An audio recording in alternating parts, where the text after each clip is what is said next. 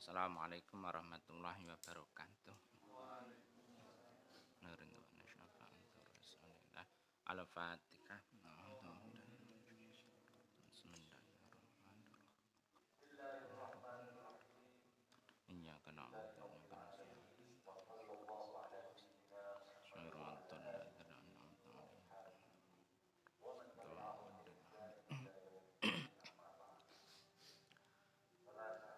Bismillahirrahmanirrahim. Kita lanjutkan nomor 11. Pertanyaannya, syarat apakah yang harus dipenuhi untuk pindah madhab? Jadi kita boleh eh, dalam menjalankan syariat ini boleh memilih salah satu di antara empat madhab dan dalam memilih ini juga tidak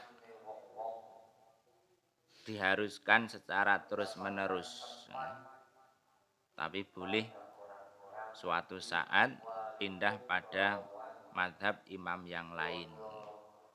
Yang kalau di Indonesia mayoritas mengikuti madhab Imam Syafi'i.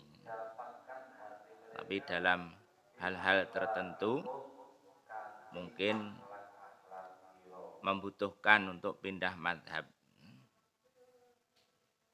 khususnya ketika dalam kondisi terpaksa Jadi seperti kalau dalam madhab Imam Syafi'i persentuhan kulit antara laki-laki dan perempuan yang bukan mahram itu nanti akan menyebabkan batal wudhunya. Nah, ini kalau di sini mungkin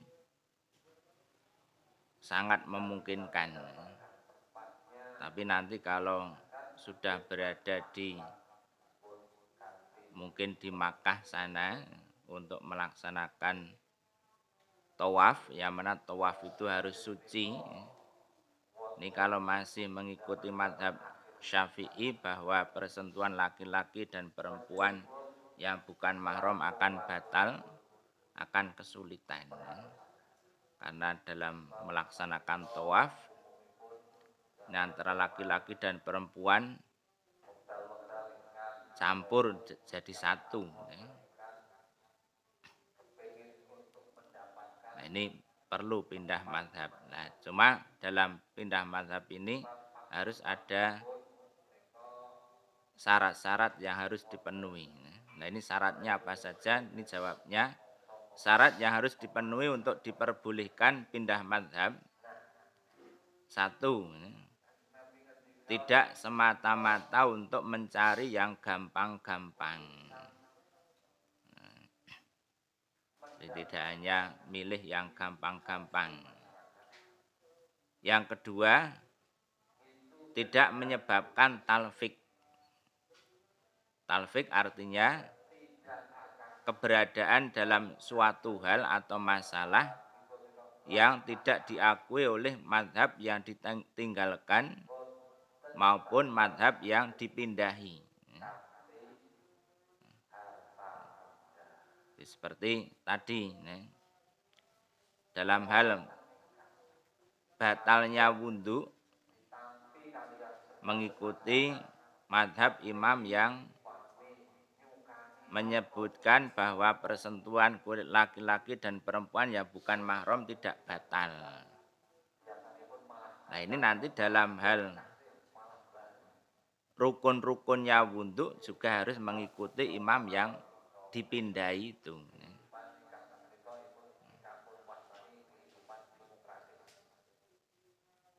Gampangnya yaitu imam yang menyebutkan bahwa persentuhan kulit laki-laki perempuan tidak batal itu madhab Imam Malik.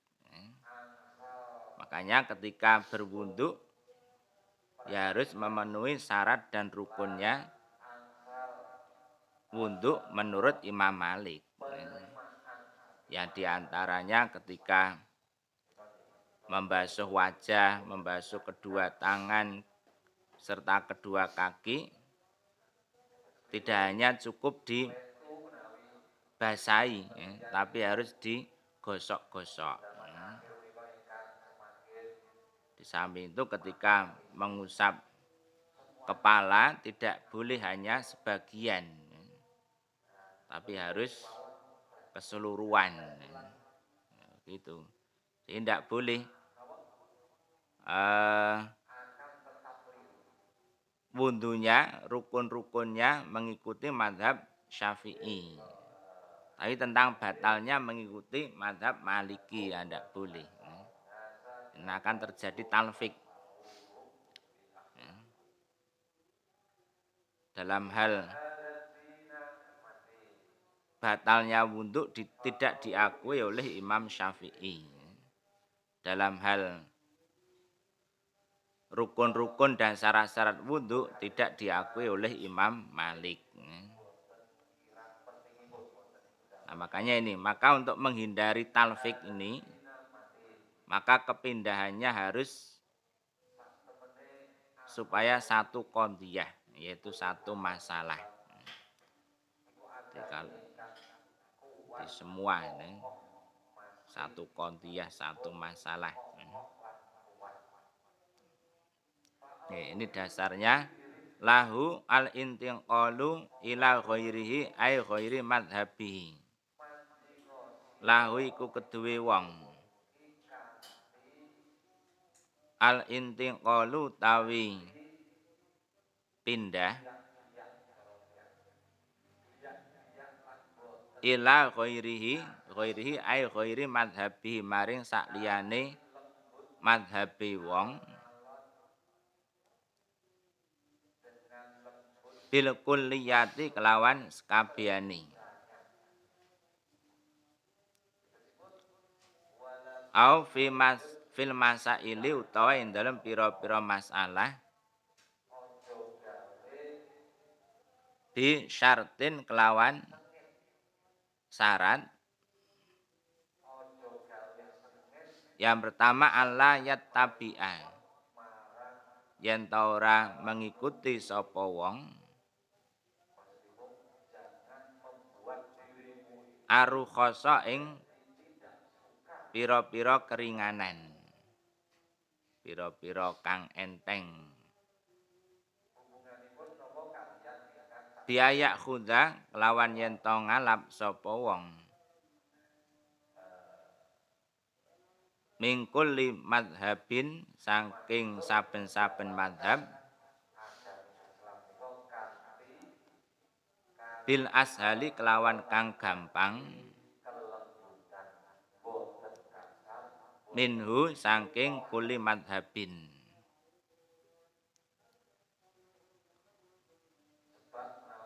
Fayas fungku mongko dadi fasek sapa wong?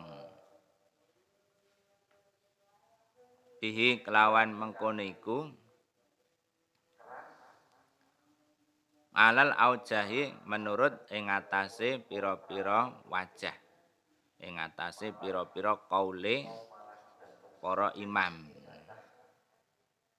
Jadi seseorang boleh pindah pada madhab yang lain secara keseluruhan. Secara secara keseluruhan itu ya semuanya.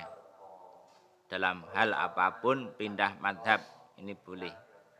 Atau boleh pula pindah madhab dalam beberapa masalah tertentu, tapi harus memenuhi syarat pertama tidak mengikuti yang atau tidak mengikuti keringanan-keringanan saja, yaitu hanya mengambil yang mudah-mudah dari tiap-tiap madhab. Ya, seperti tadi ya saya jelaskan ya, dalam rukun dan syaratnya wudhu hanya uh, mengikuti madhab Imam Syafi'i yaitu mengusap kepala hanya sebagian membasuh wajah, tangan dan kaki hanya dibasahi. Terus nanti di dalam masalah batalnya wudhu mengikuti madhab Imam Malik. Nah ini tidak boleh. Kalau seperti itu maka orang tersebut menjadi fasek. Menjadi fasek menurut kaulnya beberapa imam. Wa alla yalfiqa. Lan yen ta ora gawe talfik sapa wong. Baina qaulaini dalam antarane kaul loro itu kaule madhab loro. Ya tawallatu kang muncul. Min huma saking kaulaini. Apa hakikatun kenyataan? Mutarok kabatun kang bertumpuk-tumpuk. La yakulu kang ora berkaul biha kelawan hakikah? Sapa kulun masing-masing? Min huma saking imam loro imam madhab loro di syarat yang kedua yaitu tidak menyebabkan talfik di antara kedua kolnya imam yang dari kedua kol itu muncullah kenyataan yang bertumpuk-tumpuk yang tidak dikaulkan oleh masing-masing di antara dua imam tersebut. Contohnya ini kata lidis syafi'i. Kaya mengikuti Imam Syafi'i.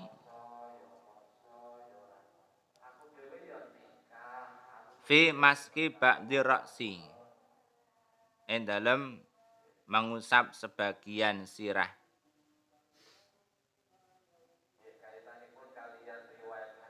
Wa malikin lan imam malik. Di malikin diatofkan pada asyafi'i fi toharatil kalbi en dalam sucine asu fi sholati ing dalam sholat. Dicontoh contoh talfik ini. Itu seperti mengikuti Imam Syafi'i dalam hal mengusap sebagian kepala dan mengikuti Imam Malik dalam hal sucinya anjing dalam hal sholat. Nah ini, tidak boleh.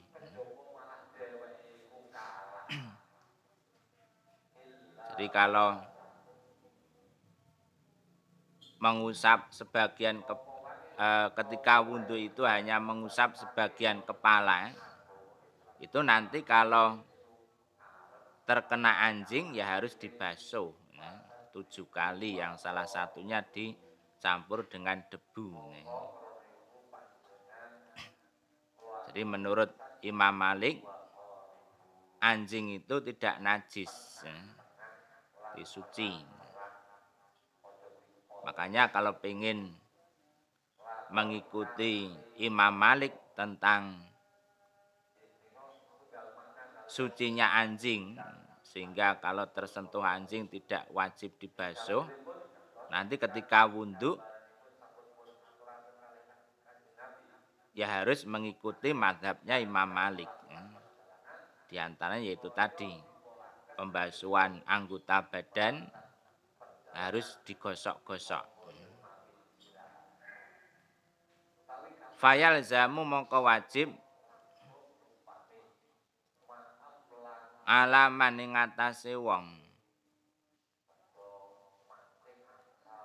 In harofa kang miring ya.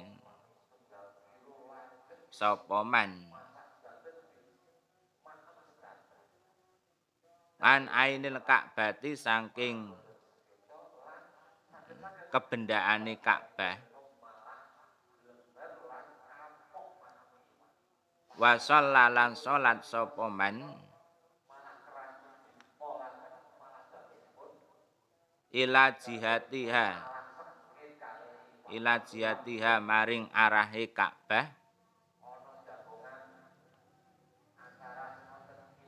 Lidan kali mengikuti. Ila Hanifah maring Imam Abu Hanifah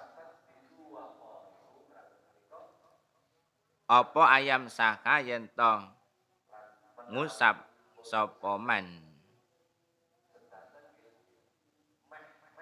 Qadran nasiyati ing seukur ubun-ubun.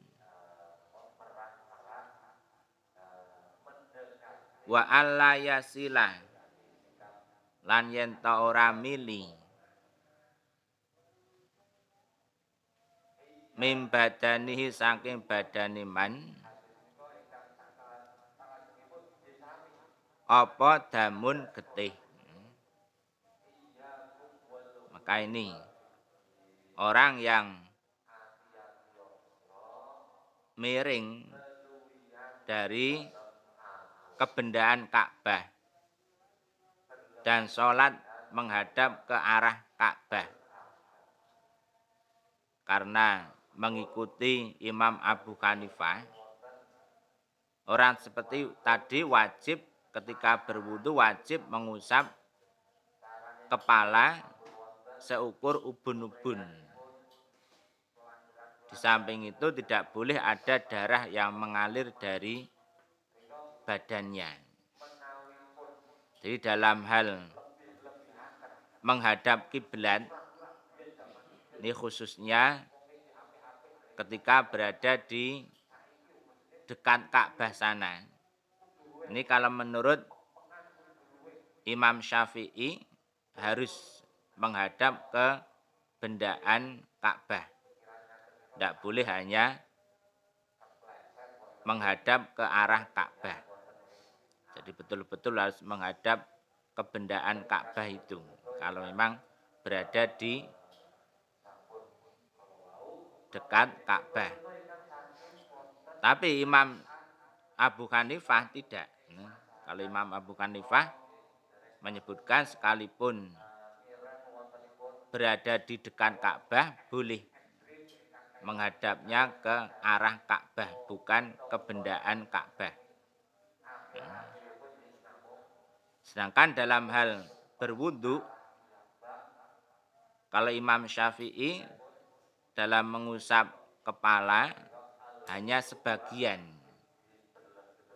Misalnya hanya saat sebesar jari saja sudah boleh. Tapi Imam Abu Hanifah mengusapnya minimal seukur ubun-ubun.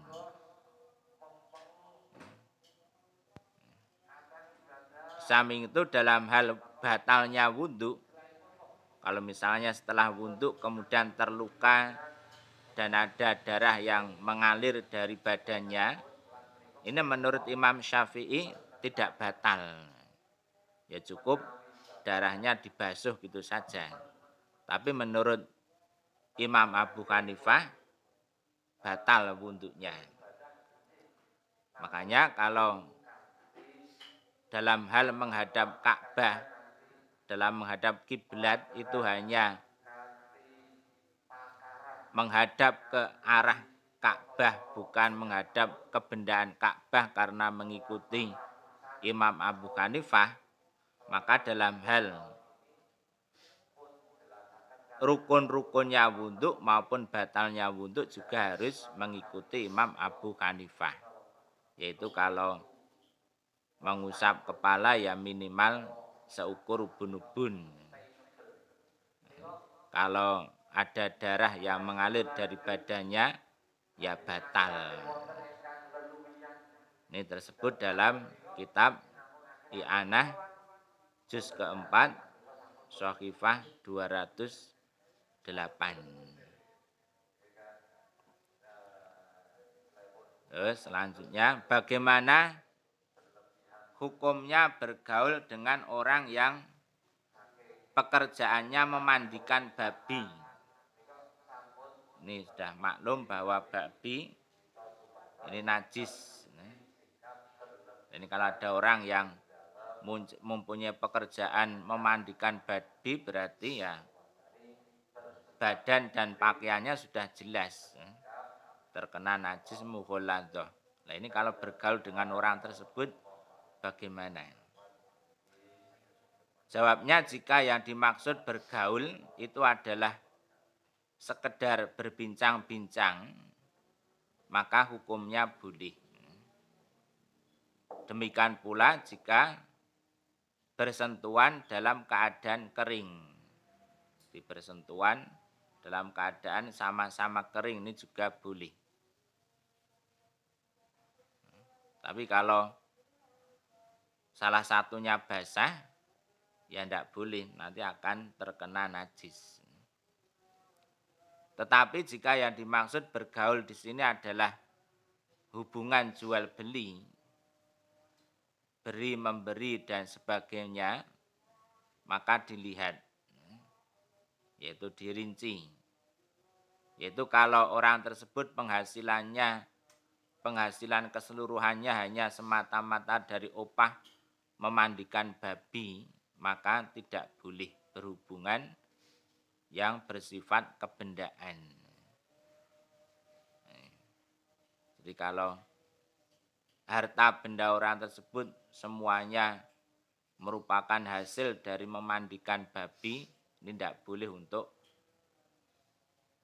bermuamalah jual beli maupun beri memberi dengan orang tersebut. Sebab pekerjaan itu kalau merupakan pekerjaan yang haram, maka upahnya pun juga haram.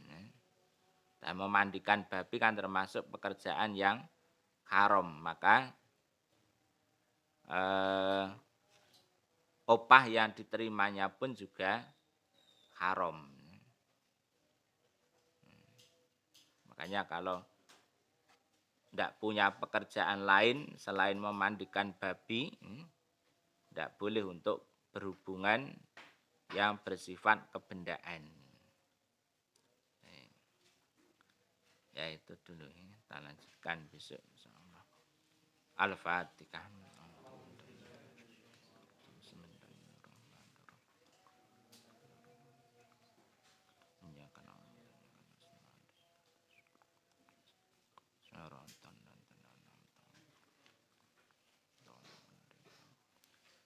นะ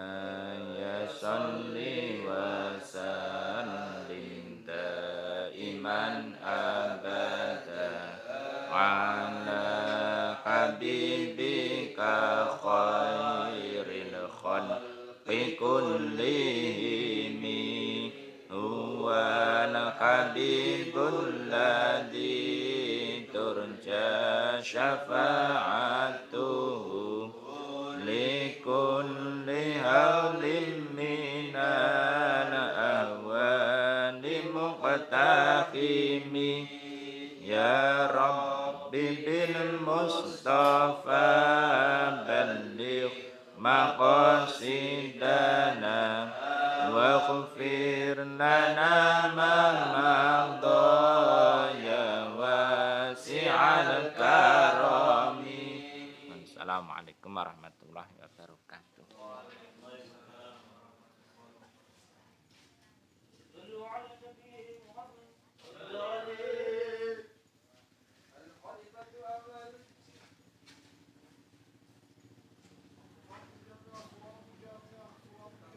Ibu bapak, ibu